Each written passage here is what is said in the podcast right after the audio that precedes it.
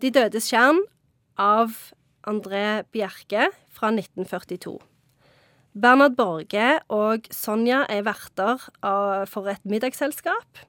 Der får de høre om Daumannshytta og Tore Gruvik som drepte søsteren sin og elskeren hennes. Så møter vi Kai Bugge, som er detektivpsykolog. Og de ender opp med å reise inn på denne hytta, og der oppstår det skumle ting. Muligens spøkelser, men alt går bra til slutt. Så vidt jeg husker, så var denne romanen skrevet under et pseudonym. Ja. Han, eh, den som er hovedpersonen, er jo Bernhard Borge, og det er det synonymet eh, André Bjerke brukte. Så han er jo liksom tidlig ute med å på en måte sette sitt alter ego inn i, i eh, litteraturen. Og André Bjerke var jo veldig opptatt av psykoanalyse.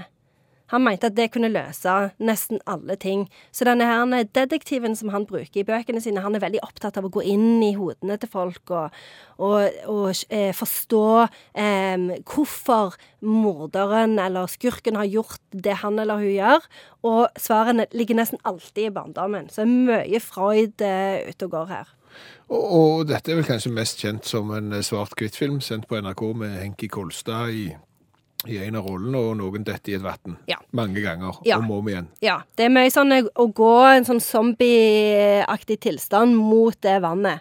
Eh, så det, det er jo litt sånn hypnose og sånn òg på gang. Det er, liksom, det er mye psykoanalyse. Alt foregår i sinnet, og alt kan forklares hvis du bare går tilbake og liksom løser opp i alle de flokene som barndommen har skapt, da.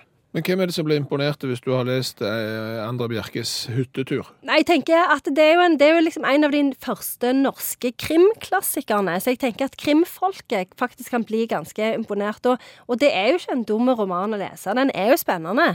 Eh, og han er ganske god på å lage et plott, han eh, André Bjerke. Så jeg tenker at det er ikke så dumt hvis du skal på påskeferie på hytta og så ta med De dødes skjerm. Det kan du godt gjøre. Og det er, jo, det er jo nyttig å på en måte ha lest noe før Jo Nesbø, Og Fenton W. Dixon. for eksempel. Kjenner du han? Ja, han som skrev Bobsy-barnet? Herdeguttene. Babsi det var Laura Le Hoppe, var det ikke det? Nei, Var ikke det Nancy Drev? Det var Caroline Kene. Jeg har et sitat. Har du? Ja, ja, ja, jeg har det. jeg har Det Det er veldig bra sitat. da. Tenk på hvor mye god norsk skog som har blitt ødelagt ved at man har lagd bøker av den. Skriver André Bjerke i bok? Selvkritikk på høyt Tenk at han skriver det. Ja, miljøvern og krim og alt mulig på en gang. Tidlig. Jeg regner med at han var ironisk, da. Ok. Eh, Skal vi oppsummere De dødes kjern? Ja, pseudonymet drar på hyttetur eh, sammen med, med dama si, ser noen spøkelser og går i zombietilstand til vannet. Ja, Så det er jo litt sånn hold deg unna tjernet. Altså, det er jo det på en måte Det er jo en viktig lærdom å ta av denne. Det er egentlig en kritisk bok til svømmeopplæringa i Norge. Ja, det er egentlig et innlegg om å bruke redningsvest, vil jeg si. Ja, og ikke bad med klærne på.